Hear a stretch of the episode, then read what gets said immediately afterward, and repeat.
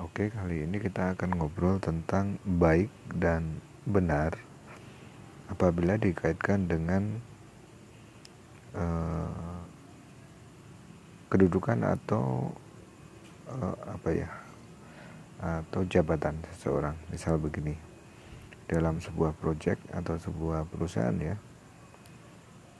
seorang di itu proyek misalnya ada seorang engineer atau tenaga ahli dan juga ada tim leader atau dia pemimpin sebuah proyek atau sebuah perusahaan. Jadi seorang tenaga ahli itu harus uh, berpatokan dengan SOP, aturan-aturan yang berlaku. Dia berpegang teguh pada itu. Jadi dalam memutuskan segala keputusan dia harus berpedoman dengan SOP aturan-aturan yang ada mengedepankan itu. Kemudian seorang pemimpin atau tim leader di samping dia juga mengedepankan itu, tapi dia juga harus mempertimbangkan kebaikan untuk semuanya dalam memutuskan Maksudnya begini, apabila ada suatu masalah, engineer akan tampil menyelesaikan masalah dengan dia mengedepankan kebenaran bahwa ini harusnya begini. Boleh diselipkan sedikit ataupun boleh diselipkan dengan baik. Maksudnya Oke, ini di uh, di di range uh, benar itu ada range umpamanya 6 sampai 10 nah,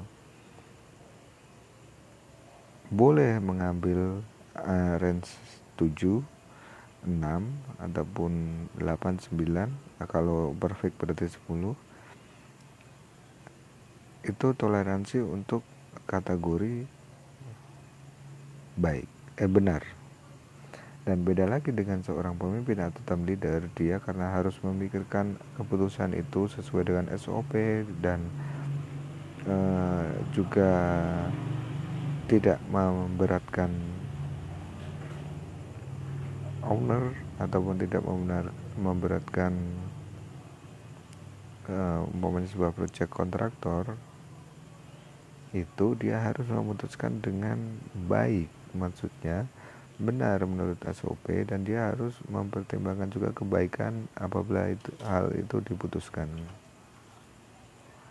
diputuskan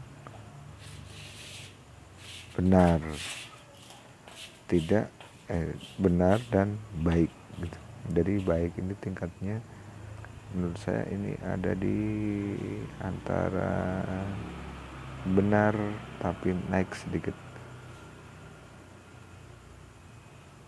Benar dan baik itu berbeda tapi baik itu harus dimiliki seorang pemimpin. Dan benar itu nggak mutlak